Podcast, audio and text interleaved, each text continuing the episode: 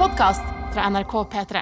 Det er bare to uker til julaften, og behovet melder seg stadig sterkere for juleunderholdning på TV. Og derfor handler denne podkasten om hva som er på strømmetjenestene når det gjelder juleinnhold.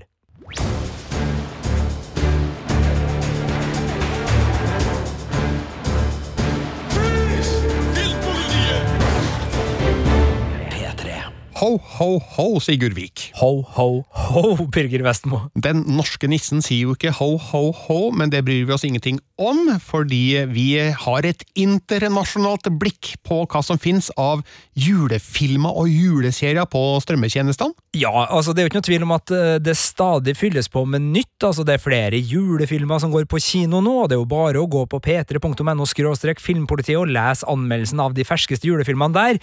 Men realiteten er jo at når vi trenger julepåfyll på skjermen, så er jo strømmetjenestene de enkleste å ty til, og vi har derfor sjekka hva er det som ligger ute av gamle favoritter, og så er det jo ikke å komme unna at det har dryppet noen nye godbiter også over eh, det tilbudet i år. Og det er så mye. Det er så mange titler at uh, de kan egentlig slutte å produsere nye ting.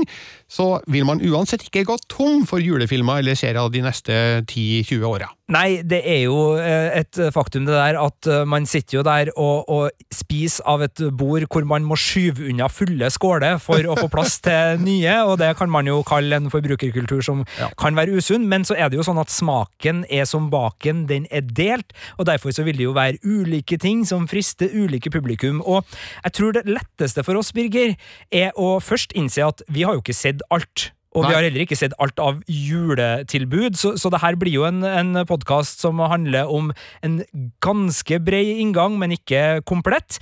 Eh, og så tror jeg vi må ta det litt sånn strømmetjeneste for strømmetjeneste.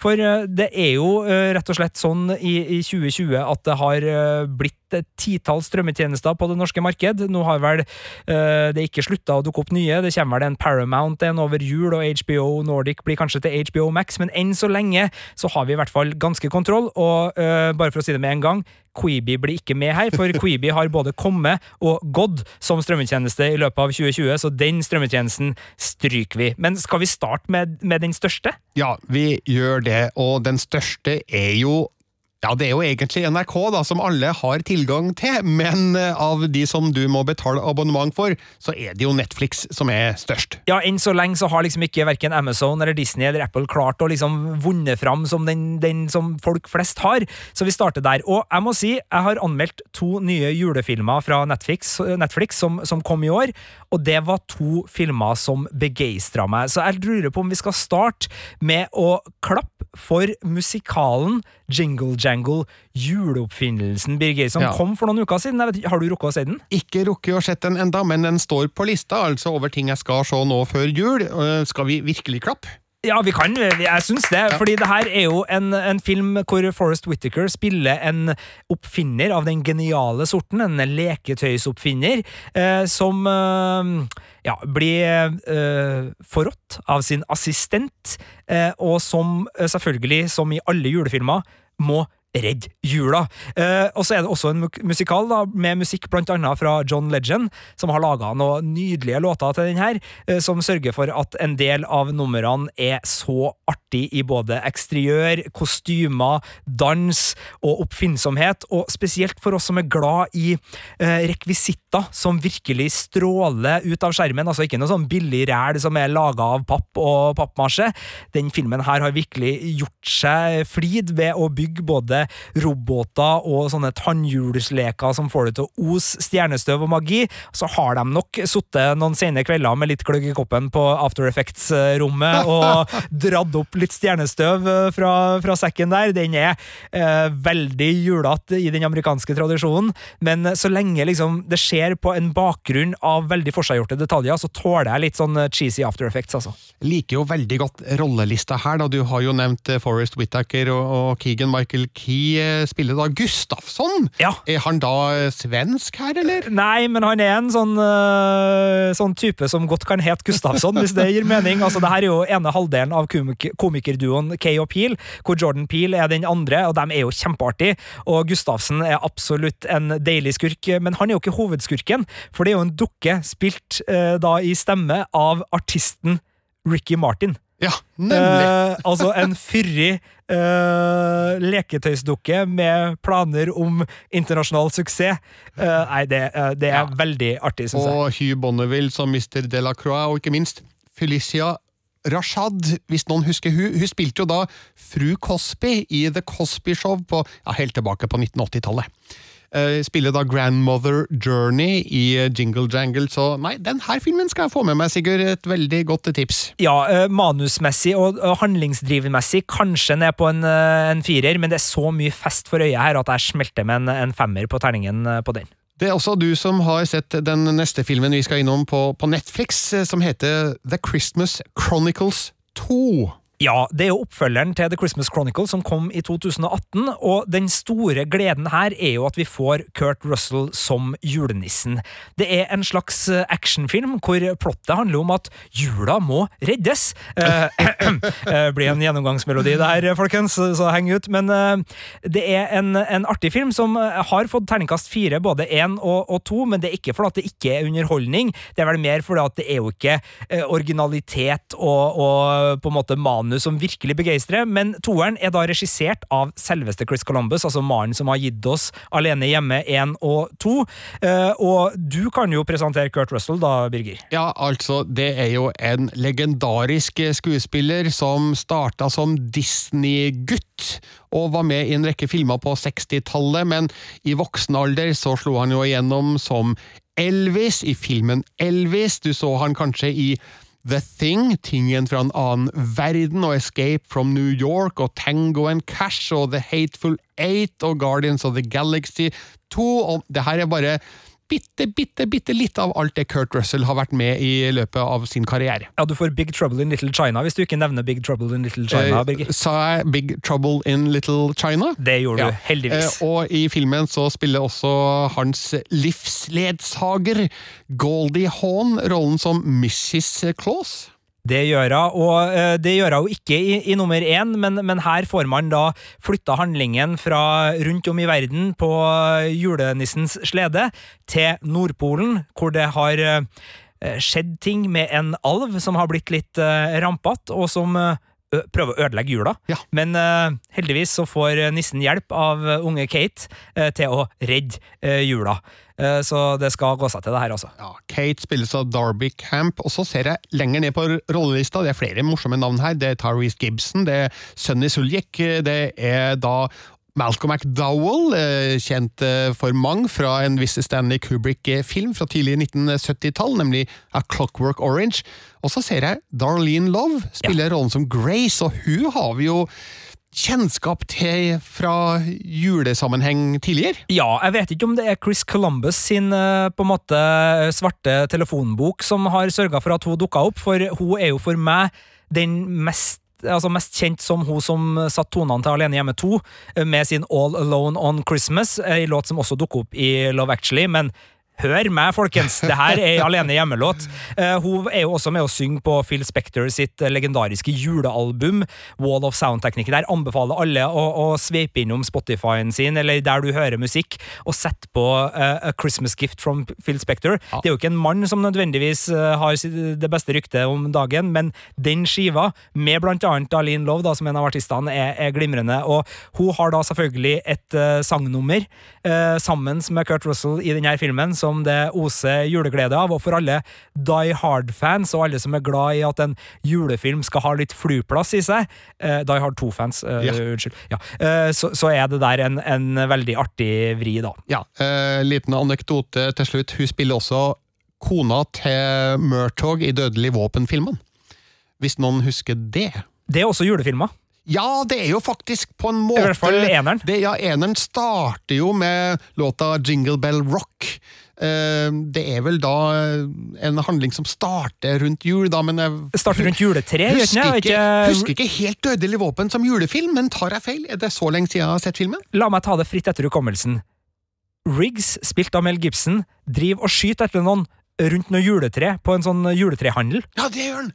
Så, Det gjør den, så godt Herregud, husker vi Dødelig Er. Dødelig våpen også julefilm? Ja, vi må begynne å, vi må bare erkjenne det. Jeg har ikke sjekka hvor Dødelig våpen ligger i denne podkasten, så får dere ikke beskjed, men, eh, men Birger, du er jo en eh, kløpper på, på det store internett. Jeg, jeg søker mens du snakker. Ja, eh, altså Dødelig våpen er jo også Joe Pesky-filmer, og hvis man da strekker linja Ja, til Alene hjemme, ja, eh, så får man jo også litt Joe Pesky, altså tyven eh, Harry fra, Nei, eh, ja, Harry fra Alene hjemme 1 og 2, eh, The Wet Bandit der. Død, Dø- er du ferdig? Dødelig våpen den er tilgjengelig på Seymour og Sumo, og så kan den kjøpes og leies litt sånn stort sett overalt. da, Så den må også nevnes i denne sammenhengen. da.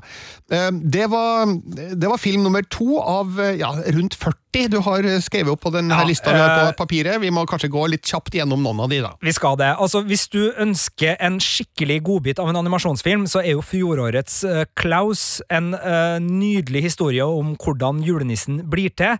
Den ligger på, på Netflix og er helt der oppe sammen med Pixar og, og Disney-filmene når det gjelder kvalitet og handling. En soleklar anbefaling for alle som enten trenger et gjensyn, eller som ikke har sett den. Altså Klaus, uh, K-L-A-U-S, er en eh, nydelig juleanimasjonsfilm. Eh, jeg er jo glad i Bill Murray. Så at uh, A Very Murray Christmas, en julespesial hvor Bill Murray er Bill Murray, og det er litt sånn salong og drinker og Ja, uh, så dukker vel også dattera til Billy Ray Cyrus uh, opp. Altså Miley, Miley. Cyrus er Mhm. definitivt med her. Det er en sånn som kan funke ja, Det er kanskje mer en sånn mellomjulsspesial, hvis man skal tenke tematikken. Da er det litt finklær og, og litt stas, men Bill Murray Ja. Jeg har ikke sett den enda. Det er kanskje fordi jeg skjemmes litt. Det, tok meg ca. sju sekunder å forstå ordspillet i tittelen A Very Murray Christmas, og det, er- det er ca. seks sekunder for lenge. Men Ja. eh, den er på lista. Den er på lista på Netflix. Eh, Juleprinsen 1 og 2. eh, det er jo den cheesy Altså, Netflix har en del cheesy filmer, og hadde vår kollega Marte Hedenstad vært der nå, så hadde vi nok fått supplert enda flere der. Men jeg har sett Juleprinsen-filmene.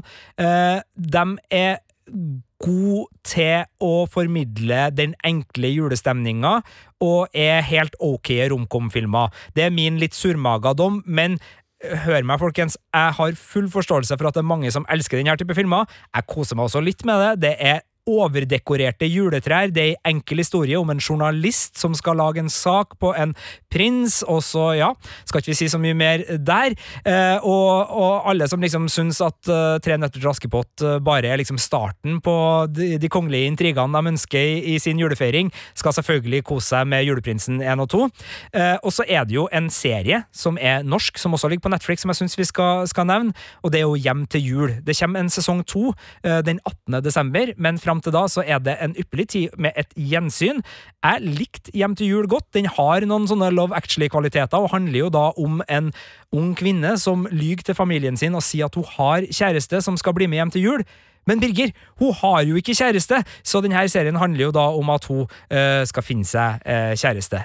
Da vil jeg samtidig slå et slag for den eh, norske filmen Hjem til jul av Bent Hamer fra 2010, som jeg i sin tid ga terningkast fire, og skrev at den, den handler ikke om nostalgisk julehygge, men om drømmen om den, og det er vel noe man kan relatere seg til, og den kan du faktisk eh, leie på eh, hos Apple for ni kroner, og det er Bent Hamers Hjem til jul verdt. Det er, er, nå stiller jeg et dumt spørsmål som kanskje ikke har noe svar, men er det der Home for Christmas er filmmusikk? Ja, faktisk så er det helt eh, korrekt, så det er den vi kan takke Maria Menas julefavoritt for. Ah, det er fint. Eh, det er jo sånn at Netflix har veldig mye originalinnhold, men de har jo fremdeles, kan man si, eh, litt fra andre tilbydere òg, sjøl om Disney og andre driver og trekker tilbake sitt. Vi kan vel nevne Jul i Flåklypa Snekker Andersen og julenissen eh, som to norske godbiter, Birger. Ja, altså Spesielt Jul i Flåklypa er jo en fenomenalt fin, morsom og spennende film. Altså, spennende i den grad vi kan si det om en film beregna for små barn i alle aldre, men um, det er jo starten på den nye Solan og Ludvig-trilogien, som viderefører Kjell Aukrusts univers med Fabelaktig stop motion, eh, regissert av Rasmus A. Sivertsen, og um, ja, Solan og Ludvig Jul i Flåklypa det er en av de bedre norske julefilmene. Og så er det tre filmer her som jeg har plukka med meg av den internasjonale sorten. Det er Hjelp, er juleferie, det er Polarekspressen, og det er Elf. Og eh, nå gjetter jeg på at du kan gå god for alle tre, Birger? Det kan jeg. Polarekspressen den ga jeg terningkast fire i sin tid. Jeg beskrev den som et eh, julekort på speed, eh, for det er jo veldig mye jul i Polarekspressen. Det er Robert Zemeckis som har regien på den, og han eh, trøkker jo hver eneste billedrute full av amerikanisert jul i digital form, og jeg synes jo filmen ser vanvittig vakker ut, sjøl om eh, den er produsert såpass tidlig at eh, det er trangt med digitale øyne som ikke stemmer helt eh, enda i Polarekspressen, sjøl om alt det andre ser helt fantastisk ut. Sjøl om det er overlessa så det holder, så um, skulle jeg ønske at Semekis kanskje gikk tilbake til filmen og remiksa øynene til figurene, for der er det litt dødt. Ja, altså Peter Jackson har jo gått over både Hobbiten-filmene sine og Ringenes herre-filmene sine nylig for 4K-restaurering. Det er jo ikke ut helt umulig at noe lignende vil skje med Polarekspressen, og jeg er enig, den der Uncanny Valley-effekten, ja. som de kaller det. Ja, det her er til de med, med studiepoeng som, som, ønsker holde, som ønsker at Filmpolitiets podkast skal, skal, ha et, et, snev av akademia. Nei da. Men, men, den fremmedgjøringa, den, den, sitter litt vondt, og vi er vel ganske uenige i Filmpolitiets redaksjon når det gjelder akkurat den. Marte elsker den, du er veldig glad i den, og jeg syns den er litt kjedelig. Ja, Nei, da tar du feil. Ja. Marte og jeg har rett. Ja. Sånn er den saken. Og når det gjelder Hjelp, det er juleferie, der er vel, det er vel unison enighet om uh, hvor fortreffelig den er? Ja, altså, uh, hvis man skal se én film om hvor jævlig det er å få familien på besøk i jula, uh, så er det jo Er det Randy Quaid, skuespilleren heter, som spiller onkel oh, no, Ja, han, han, han onkel. Randy Quaid har blitt en veldig merkelig mann etter hvert, men mm, på den tida denne filmen ble laga, så var han jo en, en bankable star, som det heter. Men eh, ja, han er onkel i filmen av den litt eh, ikke lugubre sorten, men eh, Ja, men nesten. Altså, han, er, han er en sånn onkel som er utrolig selvopptatt og, og lite hensynsfull, og han dundrer da inn til Griswold-familien på julebesøk, og altså eggnog, eller egglikør om man vil, julepynt som ikke vil være helt der den skal være, og en bannende Chevy Chase er jo bare litt av det vi får i denne fantastiske festen av en julekomedie. Ja, det er vel... Uh han spiller mannen til søskenbarnet til Clark Griswold, som det. kommer på uanmeldt julebesøk. Med campingbil. Ja. Og uh, Hilarities Ensues, som det heter på godt norsk, ja. eller godt engelsk. Uh, ny, uh, fabelaktig John Huse-film, som jo da produserte og skrev filmen, men litt ukjent for meg. Regissør Jeremiah Chechik. Ja, nei, han har ikke dukka opp, men det er verdt å få med seg at barna i Griswold-familien også har blitt store stjerner i, i, etterkant. Det er jo Juliette Louis som spiller dattera, eh, kjent fra alt fra Natural Born Killers til musikkarriere. Og så husker ikke jeg navnet på sønnen, men det er eh. han fra Big Bang Theory. Johnny Galecki heter han, som spiller Russell Griswold. Og det er riktig at han spiller i Big Bang Theory, som jeg aldri har sett. Å, oh, men det er helt greit, Birger. Men eh, det er en fin eh, komiserie som eh, var et sånt sikkert kort på Emmy-utdelingene da den hadde sin storhetstid. Men så nevnte du Elf, og vet du hva? Den så jeg for aller første gang i forrige uke. Og det er jo helt merkelig at jeg ikke har oppdaga den tidligere. Den kom jo på kino i 2003. Nei, vent nå, det var det vi fant ut, fordi jeg lurte på hvorfor i all verden anmeldte jeg ikke den da den kom i 2003, og så har vi sjekka litt, og ting tyder på at den kanskje ikke gikk på kino i Norge i 2003. Hvis noen husker noe annet, send oss melding, men jeg har en mistanke om at Elf gikk rett på DVD i Norge. Det kan godt stemme. Jeg uh, har den i hvert fall uh, på DVD, og det var der jeg så den først. Den ble jo gitt ut på ei tid hvor Will Ferrell, som da hadde allerede begynt å gjøre stor suksess etter Saturday Night Live-karrieren, var uh, min ledestjerne når det gjaldt amerikanske komikere. Alt han tok i ble til gull, enten det var biroller i, i, Old School eller hovedrollen i Anchorman. Altså, jeg elska Will Ferrell, og det her er jo fra den tida han var på sitt fjollete beste. For det her er teit, tullete humor, der Will Ferrell spiller alven Buddy, som eh, er oppfostra på Nordpolen, men har sin ektefar i New York, og han reiser da for å finne sin far, og så er det en slede som trenger julestemning. Jeg tror julen må reddes, faktisk, eh, ja, på et eller annet tidspunkt. Den må vel egentlig ja. det. Nei, jeg lo høyt og godt av humoren i Elf, for det første, fordi Will Ferrell er en veldig morsom mann. For det andre fordi James Khan spiller helt straight. Han spiller helt flatt, og som om han er med i et, eh, et, vanlig drama. Og så skjer det morsomme ting rundt han hele tida, litt sånn på bakgrunn av hans reaksjoner, eller mangelen på reaksjoner. da. Og den er jo regissert av en eh, mann som var i startfasen av karrieren på det tidspunktet, men som virkelig er i skuddet nå. Ja, altså John Favreau er jo mannen som nå gir oss The Mandalorian på Disney Pluss, altså Star Wars-serien som har fått både meg og Birger og Marte i, i knær som fans av Star Wars-universet. Han har regissert Løvenes konge-nyinnspillinga til Disney, og Jungelboken. Og han har jo veldig eh, stor innflytelse også på eh, MCU, altså Marvel Cinematic Universe, hvor han både spiller Happy, eh, en mann som nå eh, trives best i Spiderman-filmene, eh, men har også også hatt regi på, på filmer der, og spesielt da den første Ironman-filmen. Ja, de to første, faktisk. De to første, faktisk. Ja. Og, og, han er jo også kjent fra TV-serien Friends, hvor han spiller kjæresten til Monica Geller i noen episoder. Det er han som da vil bli The Ultimate Fighting Champion, eh, og ofre alt på sin vei for det. Så det her er en, en velkjent fyr. Har også noe kokkeprogram på Netflix, tror jeg. John Favreau. Altså, Begynner han å bli litt sånn for god? At det begynner å bli litt sånn kli... Altså, en i ferd med å bli litt sånn Spielberg-Hasley? Altså sånn at det, det, det, man uh, nesten bare liksom syns at det Skal du lykkes med alt, altså, da? Spielberg-Hasley, jeg kjenner ikke igjen det uttrykket, og nei. skjønner ikke helt nei, hva du skal ut med der. Men nei, nei altså, du, han, han, er en veldig god filmskaper. Ja. Det er jo ikke noe tvil om at han er flink til å treffe den kommersielle nerven i mange av filmene og seriene han står bak, så jeg syns han skal bare fortsette sånn som han gjør, jeg, fordi han, han, leverer veldig mye bra. Og Elf er jo et um, eksempel på hva han gjorde tidlig i sin karriere, som kanskje ga signaler om det som skulle komme siden. Ja, jeg må bare spørre deg veldig kjapt, Hva syns du om snøballkrigen i Elf? Ja, den er veldig morsom. Jeg vet ikke helt om den snøen som blir brukt, er helt ekte, men eh, nei, jeg lo, jeg lo godt av den, og det er, det er herlig overdreven eh, slapstick-humor, rett og slett, som blir brukt i, i, i den scenen der.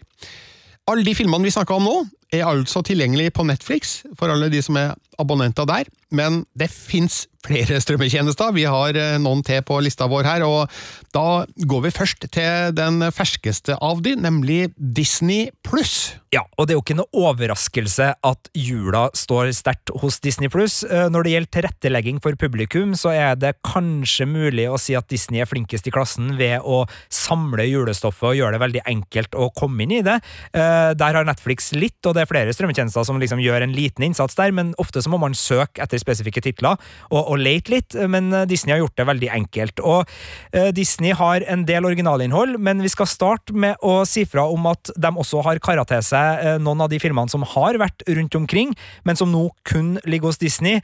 Og de to eller fem viktigste i så måte er jo alene hjemmefilmene, som nå bare finnes hos Disney når det gjelder strømming. De kan kjøpes og leies rundt omkring, altså, men det er dem som har dem. Og spesielt Alene hjemme 1 og 2 er uh, helt i toppen av julegrana når det gjelder julefilmer, og så er det tre, fire og fem uh, filmer du kan se.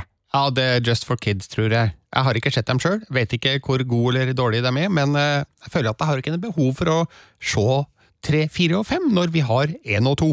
Jeg, jeg, jeg lovte jo at jeg skal se dem igjen, og det skal jeg. treeren er ikke så ille.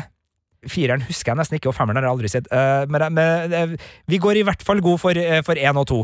Men vi har jo snakka veldig mye om Alene hjemme. Det er en egen podkast som du finner hos Filmpolitiet her der du hører nå, som handler om ja, ti grunner til at vi elsker Alene hjemme, for den filmen har jo 30-årsjubileum denne uh, førjulstida.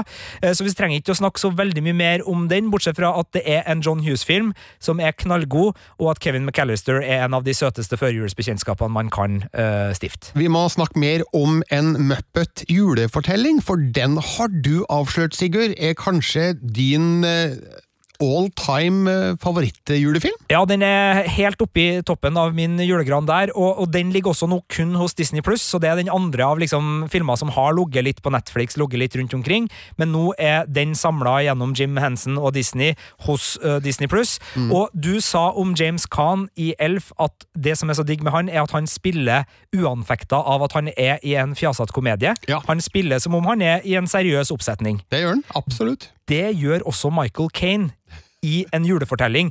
Og bare veldig kjapt, en julefortelling er da basert selvfølgelig på Charles Dickens sin uh, meget berømte kortroman med, med samme navn, uh, og uh, handler da om gjerrigknarken Ebenezer Scrooge, som har akutt mangel på, på, julestemning og har lidd under den sykdommen i årevis. men ved hjelp av noen spøkelser og noen gode venner, så, så går det så meget bedre etter hvert. Og her spiller da Michael Kane Ebenezer Scrooge, uh, som om han var på en teaterscene i London. Uh, Michael Kane kjent for så mye, men kanskje mest kjent for et bredt publikum som Alfred i Batman-filmene til Christopher Nolan, hvor han spiller fantastisk. Men det her er jo en virkelig øh, eminent britisk skuespiller som har masse spionfilmer, og, og han har jo mm. et, en CV som er helt fantastisk. Han eier Ebenezer Scrooge i alt han gjør. altså Mimikken er helt presis replikkleveringa er så syrlig og skarp og god at man bare og man, man, blir helt forelska. Mm. Og så er det massevis av fjas rundt den, muppeter i huet og ræva, og alt er bare tull. Men den mister aldri hjertet. Den klarer å ta vare på hovedbudskapet, både om nestekjærlighet, medmenneskelighet, og at julen er en fin tid for familie og raushet. Uh, men uh, og, og jeg gråt noen plasser fordi musikken her den er altså så god. Det er et soundtrack som er laga til filmen. altså Det er ikke noen kjente julesanger, men det er spesielt en som The Ghost of Christmas Past, som da er det lykkelige spøkelset, synger, som handler om hva jula er. Og det har blitt en av mine all time favoritt-julelåter. Ja, det er Miles Goodman som har komponert uh, scoren i filmen. Jeg vet ikke om det er han som også har skrevet låtene i den, men i hvert fall så er det Brian Henson som har hatt regien på den. Jim Hensons uh, sønn.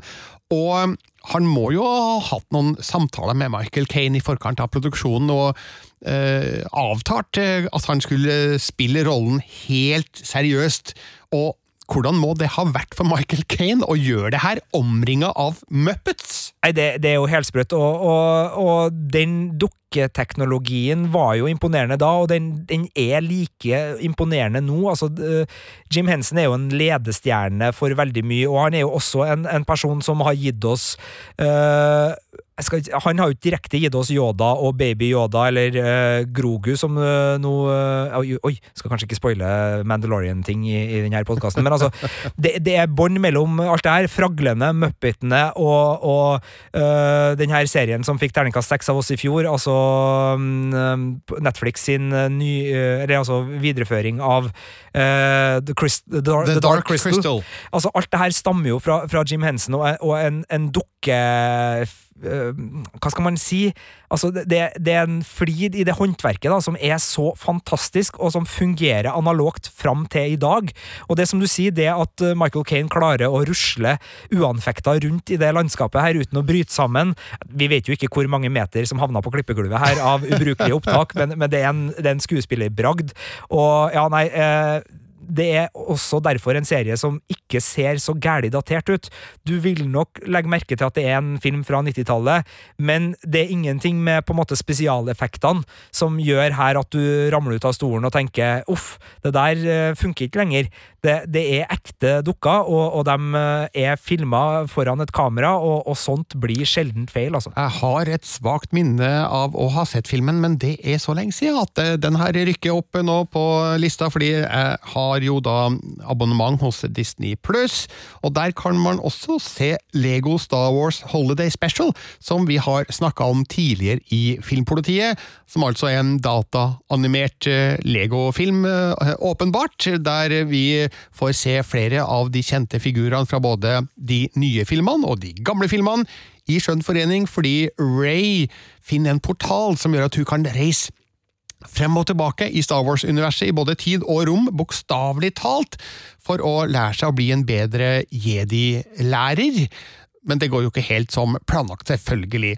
Det er en del morsomt å hente i den filmen også. Jeg syns det var en fornøyelig liten time, og hvis man ikke har tida til å sette seg ned og se en hel film, men vil ha litt uh, julestemning, og hvis man i tillegg da er disponert for å like Star Wars, selvfølgelig, så er det her en liten fest. Den første halvtimen, eller første 20 minutteren, var litt sånn ja, ok, hvor skal vi hen her? Jeg husker jeg var litt sånn uh, skeptisk, nøktern, uh, nedpå og ikke liksom full fest. Ja. Men den siste halvdelen, da er det full fyr i teltet, og det er kjempeartig. Ja. Og både Altså, du tok flere vitser som jeg ikke fikk med meg. Altså, jeg er en sånn relativt bevandra Star Wars-titter, men ikke noen superbruker, for å si det sånn. Men det er altså noe for alle der. Det er lett å se de opplagte referansene, og så er det noen uh, skal vi si julekuler som henger litt høyere opp på treet, som er for de mer eh, konnissørene ja, der ute. Det er ikke en sjølhøytidelig film, i hvert fall. De, eh, de gjør narr av seg sjøl og sitt univers, og det blir en bedre film av det. Uh, Noel, julenissens datter, det er en film jeg ikke har noe kjennskap til, Sigurd? Ja, og, og, jeg har heller ikke sett den, men det er en av de nye uh, julefilmene som Disney har lest på med til 2020-jula. Uh, og det er da Anna Kendrick som spiller dattera til julenissen. Uh, og så er Bill Hader uh, også med, og Billy Eichner er med, og Shirley MacLaine er med. Så den ser artig ut. Jeg, jeg har den her på, på, lista mi over julefilmer jeg skal se, som er en ny av året. Den kom vel i USA i fjor, men det er første gangen vi har den tilgjengelig i Norge. Og uh, Disney kommer også med en nyinnspilling av nettopp da den Muppet-filmen vi snakka om, altså Charles Dickens' En julefortelling. Og det ligger en del julestoff uh, hos Disney Pluss som, som, det er bare å følge menyene og finne. Altså, jeg har ikke rukket å, å sett meg gjennom alt, både fordi det er første jula vi har Disney uh, Pluss, og ja, det, det, tar litt, det, tar litt, tid, Birger, å komme seg gjennom det. Men, men det, jeg skulle bare trekke den fram som et eksempel på uh, den. Et feeventyr er en annen ganske julete sak som kom i, i forrige uke. det er også en uh, nyinnspilling av Black Beauty, altså Den svarte hingsten, som er en klassisk uh, historie, også fortalt på film tidligere, som kan fungere som familiefilm slash juleunderholdning for dem som ønsker. Så det er en del nytt der, uh, men det er også en del gammelt. selvfølgelig så er Mikke Mus og vennene hans feirer jul der. Men Jiminy Crickets jul, altså den julespesialen som man ser julaften etter julaften etter julaften, den ligger der ikke. Og det kan vel være fordi at NRK skal sende nok en gang i år? Det er mulig at det er et rettighetsspørsmål her, at eh, Disney ser seg tjent med å selge rettighetene til akkurat den eh, filmen til diverse TV-kanaler rundt om i verden, for å da trekke seere til Disney pluss eh, etterpå. Det er mulig at det er det som er årsaken, og at de ikke har lyst til å forarge seere og ødelegge juletradisjoner. og skape sinne og aggresjon retta eh, mot uh, Disney pluss i de norske hjem. Ja, det, det, er klart det kan være et litt sånn omvendt PR-stunt, det du beskriver der, ja. Men det er jo også mulig, vi er jo på den 10. desember i dag, og Disney har overraska oss med veldig mye plutselige omvendinger, enten det gjelder Pixar-filmer som kommer første juledag, sånn som Soul, Mulan som plutselig kommer på tjenesten, osv., og så, videre. så det kan jo skje ting opp mot julaften, så det er jo ikke umulig at også den der Jiminy, uh, Jiminy, Crickets Christmas, som den heter da på originalspråket, uh, vil dukke opp, men, men enn så lenge så er ikke den der. Men jeg må spørre deg, Birger. The Santa Claus-filmene med Tim Allen, er det filmer du eh, er glad i? Jeg har aldri sett dem! Og da, jeg vet ikke hvorfor. Da er vi to. Fordi ja. det er sånne filmer som, i likhet med Hjelp, det er juleferie og en del andre sånne klassikere, alltid er liksom tilgjengelig og synlig som julefilmer. Men jeg, jeg, mener at jeg har sett en av dem da jeg var liten. For jeg mener å huske at det er noe transformasjon uh, som skjer med, med, hvordan kroppen til Tim Allen blir prega ja. av at han uh, blir nisse. Jeg vet ikke, Hvor liten var du i 1995 da filmen kom på kino i Norge? Nå er du slem, Birger Vestmo. uh, men jeg, anser hele 90-tallet som min barndom. Men, den, het, den, het, 'Nå er det jul igjen' på norsk, Ja. men The Santa Claus er vel tittelen som de fleste kjenner den under nå. Ja, og det er i hvert fall tre uh, filmer i, i serien, og det her er jo kjent og kjært for veldig mange, så sjøl om jeg og Birger har hull i julesamlinga, så skal ikke vi la det gå utover deg, kjære lytter. Uh, hvis du ønsker å se de filmene, så er det Disney Pluss som er åstedet. Jeg bare si Oppfølgerne heter da faktisk Julenissen 2 og Julenissen 3. Ja. Originalitet i alle ledd. Ja. Er det på tide å bevege seg bort fra Disney Pluss og over på Amazon Prime? Ja, eh, I overgangen til Amazon Prime så skal jeg bare nevne en ting. Fordi uh, rare julefilmer er et fenomen. Uh, Netflix har sine, men ikke så mange. Disney Pluss har ikke så mange, men de har Santa Buddies, Jakten på julehunden, uh, for dem som ønsker en veldig hundete julefilm. Og det er også verdt å merke seg at når vi da går over på Amazon Prime, så er det dem som vinner i eh, serien Hvem har flest eh, lavbudsjetts dårlige tacky julefilmer. Men de har også noen eh, gode. Amazon Prime Video, en strømmetjeneste som er relativt rimelig å skaffe seg, har Marte Hedenstad sin favorittfilm The Holiday. De har Love Actually. De har The Grinch. Og det er alle tre filmer som Altså The Grinch med, med Jim Carrey. Mm. Det er alle tre filmer som vil være solide valg for en familie som ønsker seg julepåfyll i førjulstida. Ja, The Holiday er jo en romantisk julehistorie med Cameron Diaz og Kate Winslet i hovedrollene. De bytter bolig rundt juletider, eh, og det er da romantikk inne i bildet, selvfølgelig, med både Jude Law og Jack Black eh, på rollelista. Og det er jo da, som du sa, Marte Hedenstads eh, favorittfilm. Jeg likte den også godt da jeg så den, og eh, det her er jo en film som er både skrevet og regissert av eh, Nancy Myers, som jo var en kløpper på den sjangeren, og så har den filmmusikk av selveste Hans Zimmer. Så det her er en film som trykker på mange av de rette juleknappene. Og Love Actually vet jeg ikke om det er nødvendig å si så mye om, egentlig. Nei, det er eh, også en av de, de klassiske. Og, og øh, jeg var litt flåsete da jeg snakka om Juleprinsen-filmene på Netflix øh, tidligere. Misforstå meg rett, det er ikke fordi jeg ikke syns romkom og julefilm hører sammen og, og er god, men det er bare et kvalitetsgap da, mellom den litt sånn lettvinte oppskriftsfilmen og det øh, The Holiday og Love Actually representerer. For her snakker vi jo om Ja, du nevnte jo regissøren på, på The Holiday. Eh, altså, det er litt sånn adelen av romkom og, og feel good-film som har eh, som står bak her. Og for meg så er jo Love Actually den beste. Altså Det er både en imponerende flettverksfilm som har så mye julestemning, artige historier, minneverdige sekvenser, altså sånne ting som uh, de her plakatene som uh, brukes for å, å, formidle en kjærlighetserklæring mens musikken står på, så ikke alle i huset skal høre det. Altså Den har mye av det der. Men jeg må si, den har også en av de scenene som, som kanskje er vondest i julefilmer noensinne, og uh, det er jo den scenen hvor Ja, nå må du hjelpe meg med navn, Birger. Altså, hvis jeg sier at uh, det er et ektepar som uh, Og nå sto det jo helt stille. Altså, Professor Snape i Harry Potter spilles av Alan Rickman. Ja. Og Alan Rickman i Love Actually er sammen med en dame som spilles av Snakker du om Emma Thompson? Jeg gjør det. Uh, Emma Thompson står for et av de sterkeste øyeblikkene for meg i Love Actually, og det handler da om en scene hvor hun innser at ektemannen er utro. Altså, Alan Rickman har vært hos smykkehandler Rowan Atkinson og kjøpt et fantastisk smykke. Uh, det er en herlig passiar mellom de to, hvor Alan Rickman lurer på om han ikke skal dyppe hele skiten i yoghurt uh, for å gi, den en ekstra piff. og det oppdages da av fruen at det er kjøpt inn et smykke. Hun gleder seg, og da hun pakker opp og får en Johnny Mitchell-CD i stedet for, og skjønner at ok, det er noen andre som får det her smykket, skjønner at mannen er utro, går inn på sitt soverom for å komme til hektene, mens Johnny Mitchell sin Both Sides Now spilles. Og her skal Love Actually få ros, for Ja. det her filmen skiller seg fra uh, veldig mange andre. Da er det ikke sånn at vi er ferdig med den scenen, og det klippes kjapt ut av det, og liksom vi går videre i historien. Her er vi ei stund. Her tar vi det innover oss. Her lever vi i et øyeblikk som er så vondt at en julefilm av mindre kaliber ikke ville ha tålt den. Det ville rett og slett ha kollapsa av vekten av det øyeblikket, for det er så sterkt. Men Love Actually har bygd et så godt fundament gjennom alle sine rollefigurer og, og måten det er fletta sammen på, at det er plass til den scenen i en film som ellers er full av fjas og, og tull, og en syngende Bill Nighty som drar på med gamle Wet Wet Wet-klassikere. Men her Bill, Bill Nye. Bill Nye, takk. Uh, men, men, her funker det, og, og, og, det er jo der jeg blir uh, full av beundring da, for Love Actually, som ja, er en tacky julefilm som mange kan liksom putte i en sånn der romkom-kasse og si sånn ja, ja, ja, det er nå en av dem. Men Love Actually er mer, altså. Love Actually er god. Syns det fineste øyeblikket i Love Actually er når uh Billy Mac, spilt av Bill Nye, da kommer på døra til sin gode venn og manager, er det vel, eh, spilt av Timothy Spoll, på julaften uh, likevel.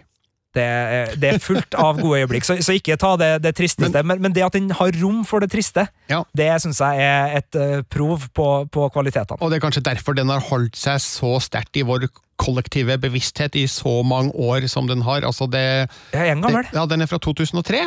Så den nærmer seg et 20-årsjubileum, da. Da får vi eh, renske gullstrupene og være klar, Biggie, for da får vi vel synge jula inn om tre år med alt fra Love Actually. Det spørs, det. Og så sa du Grinchen, som er da Jim Carrey-filmen fra 2000. Eller altså, det er jo egentlig en Ron Howard-film, da, basert på barneboka av Dr. Seuss, og der Jim Carrey får gjøre det Jim Carrey er flink til, nemlig å klovne og ja, være bajas, og ganske godt sminka, da, som denne grønne Grinchen med ja, sideburns. Nei, eh, ansiktsmuskulaturen skulle jeg fram til, er jo Jim Carreys uh, Var i hvert fall hans fremste våpen. Nå har han utvida arsenalet etter, etter, hvert, men han får jo virkelig brukt det i, i Grinchen, som har en uh, kjevemuskulatur som er få forunt. Ja. Vi skal straks over på neste strømmetjeneste, men på den lista som jeg har foran meg her, på et papir, ja. så står det noe om Jingle Hell, Homeless for the Holidays og hestefilmen The Christmas Stallion. Ja, fordi Amazon Prime er som sagt stedet for de rare julefilmene. Eh, det er ikke noe tvil om at Amazon har et bibliotek av ganske mye ræl. Det er en strømmetjeneste som har ø, fantastiske ting. altså The Boys, en av årets beste serier, går på Amazon Prime. Amazon er stappfull av penger og lager masse bra, men ø, biblioteket på strømmetjenesten i Norge har alt fra liksom sånn her innspillinga av Nevermind og innspillinga av uh, Metallica sitt Black Album, til ei lang liste ræljulefilmer, som selvfølgelig ikke er bra, men det selvfølgelig går an å se. Altså Homeless for the Holidays, Christmas Child, The Twelve Dogs of Christmas, The Christmas Stallion, The Perfect Holiday, Operation Christmas List. Det her er ikke B-filmer, Birger, for B-filmer er bedre. Ja. Det her er C til D til E til F-produksjoner, uh, spilt inn på relativt lav budsjett og ment for rett på TV. Altså, det her er uh, fra et amerikansk uh, TV-marked, der Hall Hallmark er en uh, storkonsument og produsent av denne type film. Uh, rett på TV-film betydde jo på 90-tallet noe annet enn de gjør i dag. Altså, nå går jo de beste filmene omtrent rett på, på strømmetjenester på TV, men da var det et uh, ord som ble brukt om heller uh, tacky produksjoner, som var der for å tilfredsstille et publikumsbehov, men uten å være slem. lavkultur er et ord som kan brukes her, og jeg velger å bruke det. Men for dem som liker det trashy, for all del, jeg tror det er mye humor, mye gull, for dem som tør å gå gjennom den skattkista som Amazon Prime har laga. Søk gjerne på jul, søk gjerne på Christmas, og øh, grav deg ned i tide. Da må vi nevne litt om HBO Nordic, og når jeg sier litt, så mener jeg virkelig litt, fordi det er ikke så mye jul å hente der, tilsynelatende. Nei, altså vi tar det så kort som det fortjener å være. Eh, de har også Grinchen, eh, som vi har snakka om. De har en ny julespesial av uh, godserien Euphoria. Og så har de en miniserieversjon av A Christmas Carol. Og det var det jeg fant, Birger. Ha, det var rart. Men hvis du uh, vil unngå jul så kan du jo trygt uh, klikke deg rundt på HBO Nordic i desember, for uh, det er lenge imellom at du støtter på så veldig mye jul. Men igjen, det er 10. desember, kan godt hende at de har et lite arsenal på lager. Apple TV Pluss har også litt uh, juleinnhold. Altså, det her er jo en strømmetjeneste som jeg strengt tatt ikke har hørt mye om i år. Jeg vet ikke om satsinga deres kanskje er litt om ikke feilslått, så mangelfull, men de har noe noe som kanskje kan vekke litt oppmerksomhet nå i julesammenheng. Ja, uh, Apple TV Plus er jo den rareste strømmetjenesten, fordi uh, de reklamerer jo for alle de andres serier også. Altså, Apple er en hardware-produsent mer enn uh, noe annet. Altså, De vil at du skal kjøpe Apple-produkter så du kan se Disney Plus, Netflix, alt det der. Så det, i min feed på Instagram, for eksempel, hvor jeg følger Apple TV Plus, så kommer det like gjerne reklamer om se nye episoder av The Mandalorian. men det er jo fordi de vil at du skal se den hos Apple. Men de har jo noen gode serier, blant annet The Morning Show med Steve Carell og Jennifer Aniston, og de har selvfølgelig litt juleinnhold. Det som er nytt for julen, er at Maria Carey sin Magical Christmas julespesial, hvor hun synger stort sett All I Want for Christmas, vil jeg tro, men det er da en, en musikkspesial med fortellerstemme og besøk av artister som Snoop Dogg, for eksempel, og det er selvfølgelig sånne kostymer som gjør at det tyter jul ut av skjermen når du ser på, og det synges kjent og kjært, så for dem som er Maria Carey-fans, sjekk gjerne ut Maria Careys Magical Christmas. Og så har de en av mine favoritt-tegnefilmer eh, fra barndommen, nemlig Jul med knøttene, altså Snoopys jul. Den har et herlig soundtrack med jazza julelåter. Den har ei god historie med et juletre og en sutteklut i fokus. Og eh, jeg hadde den her på, eller jeg har den her på VHS. Det er en av mine kjæreste juleminner, og nå er den altså ute på Apple TV Pluss eh, for dem som har det. Du snakker nå om A Charlie Brown Christmas, ikke sant? Jeg snakker om A Charlie Brown Christmas. Ja, Så den heter ikke Charlie Browns jul på norsk? Eh, på norsk så heter den Jul med knøttene. Ja, det... det... er det du må søke på hvis du skal få den opp uh, på norsk Apple TV Pluss. Men det er den. Jeg har også soundtracket på vinyl, og det spilles flittig i disse dager. Det er faktisk det er... veldig fett. Ja, det er ja. dritfett. Da skal vi over til den strømmetjenesten som kanskje har flest julefilmer på programmet i år, og det er Viaplay. Ja, de vinner konkurransen om å ha liksom flest av de store, litt ikke gamle titlene, men altså de kjente julefilmene som har gått på, på, kino de siste 20 årene. Der er det et rikt utvalg fra Viaplay. Ikke filmer som bare har fått gode terninger i Filmpolitiet, kan vi vel avsløre med en gang, men det er filmer som har et publikum, og som mange er veldig glad i. Eh, vi kan jo starte med den som er nyest. Det er Last Christmas, som kom Last Christmas, og som er basert på låta Last Christmas, eh, og som har dragemor Emilia Clark i eh, hovedrollen. Ja, Marte Hedenstad anmeldte den for oss. Hun ga terningkast tre, og hun skrev at det er absolutt ingen ny Love Actually vi står overfor her. Nei, jeg har sett filmen og kan uh, saktens være enig. Den er søt nok, men har et anstrengt konseptplott og er, er litt for fattig på, på, julestemning. Så Last Christmas, uh, by all means. Uh, The Holiday og Love Actually er selvfølgelig også på Viaplay, de har vi jo nevnt. så er det en film jeg er ganske glad i, som heter Four Christmases, hvor Vince Swan og Reece Witherspoon feirer jula med alle sine svigerforeldre i et slags forsøk på å slippe å feire jula med alle sine uh, svigerforeldre, for de vil egentlig helst bare reise på ja. ferie. Nei, jeg har ikke sett på den. Uh, hm? Jeg har ikke sett den. Har ikke det? Nei, det, det er helt ålreit uh, som, som, julekomedie. The Night Before er en festjulekomedie med Seth Rogan, Anthony Mackie og Joseph Gordon-Lewitt, som er dårligere enn jeg hadde håpa på oh, da jeg skaffa meg filmen på Blu-ray for noen juler siden.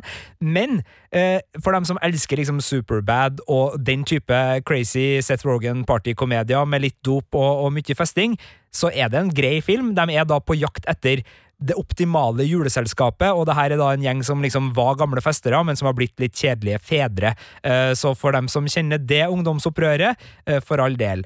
Eh, Office Christmas Party, også en ganske ny en, som jeg tror jeg liker bedre enn deg, Birger, for Jennifer ja. Aniston, Jason Bateman og TJ Miller sin julekontorfestfilm syns jeg var ålreit, men du er nede på treeren i din anmeldelse. Ja, det er riktig det. Jeg kalte den en slem og politisk ukorrekt rølpekomedie, som i og for seg ikke høres så ille ut, det, da. Men eh, så vidt jeg husker, nå må du huske at det her er fire år siden, jeg husker ikke alle filmer jeg har sett eh, opp gjennom åra, Sigurd. Eh, så vidt jeg husker, så mener jeg at det er mye teit her. Det er mye ja. dum humor som ikke, som ikke, er helt velfungerende. Um, så, men jeg skriver jo i anmeldelsen at om man er i humør for tøys, så kan Office Christmas Party være en liten lattervekker. Ja, og jeg tror så enkelt at jeg gikk inn til filmen med din terningkast 3-anmeldelse i mente, uh, og så er jeg svak for teit fjas og TJ Miller, ikke minst, som jeg syns er veldig god i Silicon Valley-komiserien til HBO. Eh, og dermed så endte jeg opp med å kose meg litt mer enn jeg trodde at jeg skulle Ja. gjøre. Jeg ville kanskje ha gitt en snill firer, men du er fasit. Det Men- er en treerfilm, men det er en ålreit juletreer. Men drakk du mens du så filmen? Eh, skal vi svare eh, Må Altså eh, Ja, Det- altså- eh, det, det gjorde jeg. Jeg så den klokka ni om morgenen i en tom kinosal på pressevisning, eh, så det kan ha noe med situasjonen å gjøre. Litt vanskelig å få julestemning eh, så tidlig om morgenen. Uten at vi uh, oppfordrer eller anbefaler alkohol, uh, så kan det hjelpe uh, på enkelte julefilmer. Eh, På generell basis. Eh, Bad Santa 1 og 2, eh, altså der Billy Bob Thornton spiller kjøpesenternisse som både drikker og er ufyselig, den, dem er også tilgjengelig. Der må jeg si at jeg har aldri vært storfan av Bad Santa-filmene. Jeg syns eneren er ganske god, og så tror jeg jeg ga terningkast to til oppfølgerfilmen Bad Santa 2, som kom for noen år siden. Men det er jo ålreit, og det er jo Billy Bob. Jeg har filmen på DVD med plastikken på. Det vil si at jeg har til gode å se Bad Santa, og det er kanskje litt fordi jeg har catcha fra flere hold at eh, den er pass, sånn passe bra, og da velger man jo ofte å se noe man vet er bedre. Ja, men den har sitt, uh, sin, sin fanskare, og, og første filmen jeg, uh, har jeg null problem med å forstå at er en favoritt hos mange, uh, men oppfølgerfilmen Åh, du Polarekspressen, uh, Grinchen, Hjelp, det er juleferie og Elf har vi snakka om. De er alle også tilgjengelige på Viaplay, som, som dere hører seiler opp som den klart beste uh, du skal få julefilm-strømmetjenesten. Ja. Uh, Så har vi jo vært innom uh, Charles Dickens juleklassiker eh, En julefortelling, eller A Christmas Carol. Den fins også i Bill Murray-versjon. Den heter Scrooged, er fra 80-tallet, eller Skrudd på norsk, og, er på Viaplay og anbefales eh, på det, det grøvste. Eh, Så den er god. Eh, En annen 80-tallskomedie som kan puttes i julesekken, er Rollebytte, eller Trading Places, med Eddie Murphy, Jamie Lee Curtis og Dan Ackroyd, som jeg så her om dagen, og som jeg skal medgi, har noen scener som roper utdatert, og det der ville aldri ha skjedd i 2020, blant annet Eddie Murphy sine sjekketriks. Uh, Ja, men ja. Mm. Jeg skjønner hvor du vil hen. Jeg, jeg har vel ikke sett rollebytte siden den gikk på kino.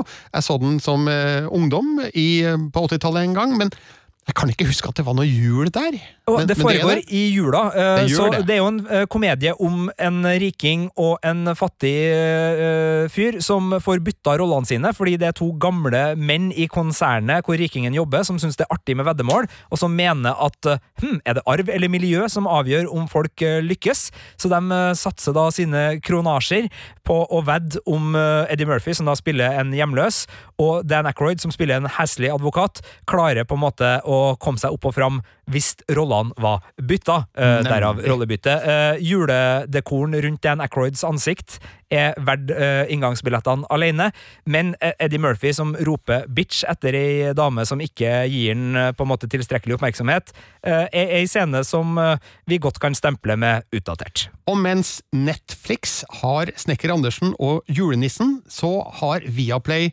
oppfølgeren. Ja. Snekker Andersen og Den vesle bygda som glemte at det var jul, eh, ligger hos Viaplay. Så hvis du har Netflix og Viaplay, så kan du få sett begge.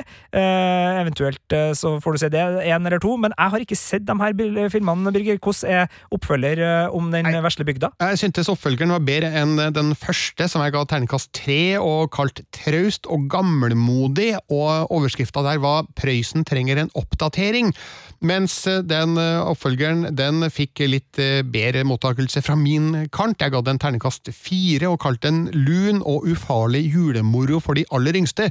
Så det er nok ikke filmer som jeg setter på i voksen alder, men hvis jeg skal vise fram noen julefilm til noen småunger, så er det her trygge og ufarlige valg. Ja, nei, men det er godt. Eh, Helt i andre enden av skalaen har eh, Viaplay også skrekkfilmen Black Christmas. Men dessverre så har de ikke den originale skrekkfilmen Black Christmas fra 70-tallet, som faktisk regnes som en av de første slasherfilmene noensinne, og som er en godbit jeg har på både VHS og, og DVD, og som er en fin film om en uh, morder som terroriserer et college dorm uh, rett før jul, uh, og det drepes med julepynt. så enkelt er det. Men oppfølgeren som kom i fjor, den, den er ikke forferdelig. Eh, men den er heller ikke eh, fantastisk. eh, Men den er helt grei som juleskrekkfilm. Altså Hvis du ønsker en helt enkel slasher som er liksom full av metagrep, og som dermed er på en måte en slags slasher-komedie, som har eh, ganske mye politisk korrekthet i seg, og som i tillegg har nok eh, blod og et par fine scener med blant en snø, snøengel og, og noe greier, så, så får du liksom alt du trenger i Black Christmas, uh, nyinnspillinga. Eh, du får bare ikke en eh, film som virkelig utmerker seg på noe særlig annet vis enn at den har krydra slasheren med julepynt. Til slutt så skal vi bare nevne fort hva vi har sjøl på NRK TV. Ja, eh, vi har jo noen norske strømmetjenester, og NRK eh, har jo da din julefavoritt, Birger, eh, som egentlig strengt tatt ikke er en julefilm, er det det? Ja, Det er litt jul på slutten av Med grim og gru, og den vises hver eneste jul på NRK3 i år klokka 19.50, og den er tilgjengelig på NRK TV året rundt, altså på nett. Ja, det er den. Du finner også en bøtte av julekalendere på NRK TV, fra Skomakergata til Snøfall, fra Jul i Svingen til Stjernestøv. Og du finner også et knippe julekonserter, hvis du ønsker å komme i, i julestemning. Blant annet Sissel Kyrkjebø sin julekonsert er å, å finne der. Så det er en del jul på NRK. TV 2 har enda mer eh, jul på menyen, for i tillegg til eh, julekalendere som The Julekalender og Juleferga, som selvfølgelig da eh, ligger der, så har de eh, alle Harry Potter-filmene, som eh, Ja, Vi kan diskutere om er det egentlig julefilmer, men noen mener det. Ja, eh, vi skal ikke gå i dybden på dem, men eh, det er i hvert fall fullt mulig å komme i adventsstemning og julestemning av Harry Potter, og det er gode muligheter der. De har også Office Christmas Party og Hjelp det er juleferie, som vi har nevnt eh, tidligere. Og så må jeg nesten få lov til å gi honnør til TV2 også, Birger, fordi i kategorien Vi har masse julefilm eh, av typen ræl, som Amazon Prime er kanskje aller best på, så har også Sumo et eh, arsenal. Eh, hør på det her. Radio Christmas, Christmas Land, Broadcasting Christmas, Winter of Love, Christmas List, Mr. Christmas, Sharing Christmas, Christmas Princess, Christmas Reservations, Christmas Stars, Small Town Christmas, A Christmas Break, Look Like Christmas, A Christmas Wish, The Christmas Cure. Det er noen av julefilmene du finner hvis du virkelig leter i strømmetjenesten TV2 Sumo, og eh, Seymour sin strømmetjeneste er også mer eller mindre overlappende på, på en del her. Men du verden, jeg tror ikke jeg har energi til å sjekke ut en eneste av de filmene, men de er der i hvert fall. Uh, Dplay, nok en norsk strømmetjeneste som vi skal ta med oss, de har uh, mista én julekalender uh, nylig, for den ble avpublisert, men Nissene på låven og Jul i Blodfjell ligger fremdeles ute til strømming på Dplay, uh, i tillegg til noen litt mer rare varianter som Ekstrem jul, som er reality om amerikansk jul, og Jul med ABBA, som er blant annet Susan Boyle, som synger ABBA. Eh, okay. Og de kaller det et juleshow. Tusen takk, Sigurd Vik. Det er du som har gjort all researchen her og funnet ut eh, hvilke strømmetjenester som har hvilke filmer. Ingen dårlig jobb. Nei, og, og det må jo sies at det her er jo på ingen måte alt. Altså, det er flere julefilmer på Viaplay enn det vi nevnte, og det er mange flere titler rundt omkring som har med jul å gjøre, og det er jo ikke minst mange juleepisoder i alt fra The Simpsons til How I Met Your Mother til Bones. Altså, øh, men der det, Altså, den jobben, Birger, den, den ble, øh, ble en sko for øh, stor for meg i, i førjulstida nå, men vi håper at dere nå har fått en viss oversikt over hvilke strømmetjenester som har de ulike juletitlene, og eh, hvordan du skal finne fram til jul på de strømmetjenestene som du har tilgjengelig, enten det er hjemme på hybelen nå i førjulstida, eller når du kommer hjem til ja, muligens et eh, godt dekka eh, smørgårdsbord av strømmetjenester hjemme hos mor og far. Hvem vet? Det er i hvert fall ingen tvil om at ingen kommer til å rekke å se alt av julefilmer og juleserier på strømmetjenestene, heller ikke i 2020. Sjekk ut våre anmeldelser på p3.no filmpolitiet. Hør vår Mandalorian-podkast som kommer hver mandag. Vi er på lufta på P3 hver søndag fra 12 til 15, og du kan sende oss e-post på filmpolitiet alfakrøll.nrk.no om du har et spørsmål eller en kommentar. Sjekk oss også ut på Twitter og på Instagram. Og så skal jeg bare si helt til slutt, Die Hard 1 og 2 må kjøpes eller leies denne jula. De er dessverre ikke til strømming, men det er jo selvfølgelig verdt pengene. Selvfølgelig. Takk skal du ha, Sigurd Vik. Jeg heter Birger Vestmo. Vi høres igjen. Du har hørt en podkast fra NRK. Hør flere podkaster og din favorittkanal i appen NRK Radio.